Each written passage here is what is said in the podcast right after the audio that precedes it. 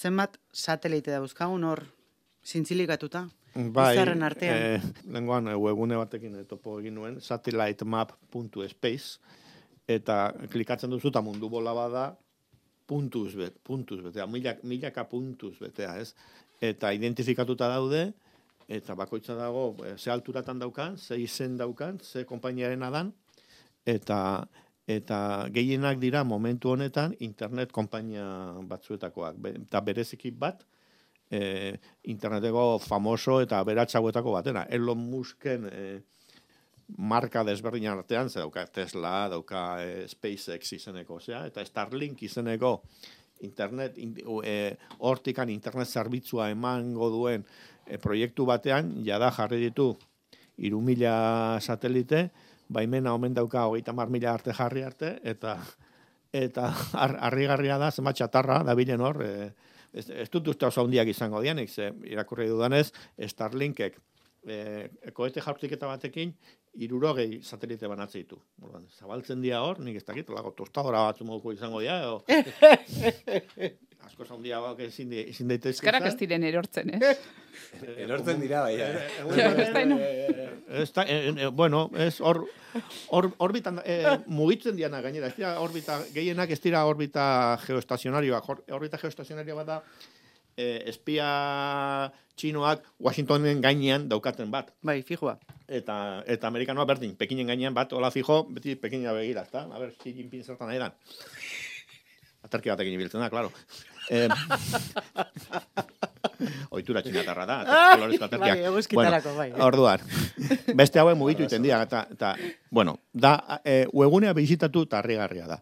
Eta kontua da, zertarako, eta badaude beste en- enpresa batzuk ere bai, OneWeb izeneko konsortzio bat, ez dena oso ondo, baina Amazonen kere badauka beste, beste proiektua, beste mila bat batzu jartzeko, Eta orduan, ba, ba, e, itxasoko kabletatik bezala, ba, ba, espazioko konexioekin, zerbitzu berri batzuk eta garatuko dira.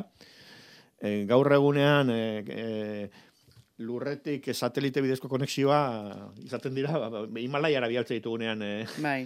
Baina gure, Elon Muskek gure justu... alpinistak, haiek konektatzen dira Bai. telefono berezi batzuekin, baina emat- ematen du hori hori edatuko dala. Bai, Elon Musk gainera hau eh, planteatu zuenean izan zen bestela internetekiko sarbiderik ez daukaten herrialde garapen bidean daudenekiko alako kasik ongintzako proiektu bat bezala. Bai, berai, berai pixkat hor, kamuflatzen dute, esaten dute, konektatu ditzaketela beste iru mila e, milioi pertsona internetera honekin. Egia dena da, hemen ere, oda, ez dago politika bat, edo publikoki egingo balitz, e, saren e, edapena optimizatu daitezkela, e, e, zera, antenak, e, kableak, zen, bestela, denak ari dira, beren sareak, Botata, botata, e, zera, bota, bai. edo bestela politika publiko bidez, pribatuari kondizionatu behintzat horrela izatea, hau da, arkitektura eta azpiegiturak e, partekatzea.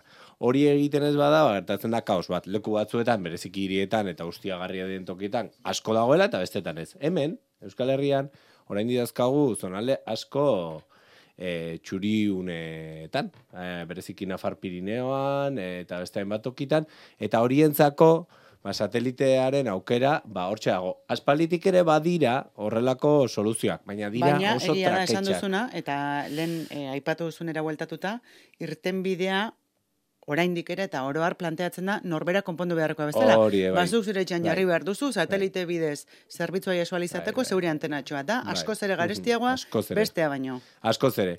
Eta, bueno, ba, bilatu behar da, eta badira ere, gifinetek ni badakit, badauka dela, mm, bueno, ari dira ere sateliten lanen, lanketaren bat egiten, ikusiko da, ze aukera daude, baina oraindik ere oso garestia da, eta, bueno, ikusiko dugu. Interesgarria izan daiteke leku horietan, bereziki. Edo, edo baitaren, lehen luitxorekin hitz egiten, je, eh, asko mugitzen den jendea, e, baldin bada, bai? Hau da, zu internet konexioa etxean kontratatzen duzu, edo mugikorra. Baina asko mugitzen bazara mundu mailan ja, e, bai behar bada interesgarria. Eta adibidez itxasoratzen bazea, edo horrelakoetan hor bai, mm, ez Ibilgailuekin, aut- autoekin eta garatuko da, ere, uste duzu? Zu, segurazki bai, zer ikusia ere izango du, behintzat hor bai, e, mugikortasun hori errazteko, baina egia da autoak dauden tokietan ere autopista daudela, eta autopista bat esan nahi du fibra optikoko kable bat. Azpian autopista berri gehienek, daukate zuntz optikoa botata. Bai, hori ere jakin behar da, ez dakigu. Eta anekdota txiki bat, igual, satelite hauei zehazki lotuta. Eta agertzen dira trenbide moduko bat, satelite trenbide moduko bat, Bai, bai, imaginatu, amar, amar segidan, amar argitxo segidan, bat, ti, ti, ti, ti, ti, trentxo bat bezala, eta badago une bat uste dut, horiek ikusteko...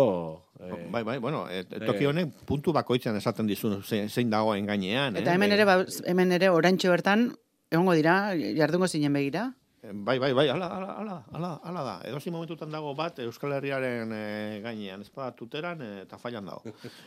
eta hogeita mar mila daudenean, ba, ba, ba, pu, ba, bakoitza bu, eh, gorkak seguro. Bat, gain, bat gainean gorkak seguro, seguro, bada ez bada, norbait jarriko dio. Baina bera, katarkia zabalagoa zabalduko du, Xi Jinpingena baino, handiago. Guarda sola, guarda satelitea. da, guarda satelitea. Guarda satelitea, berba polita.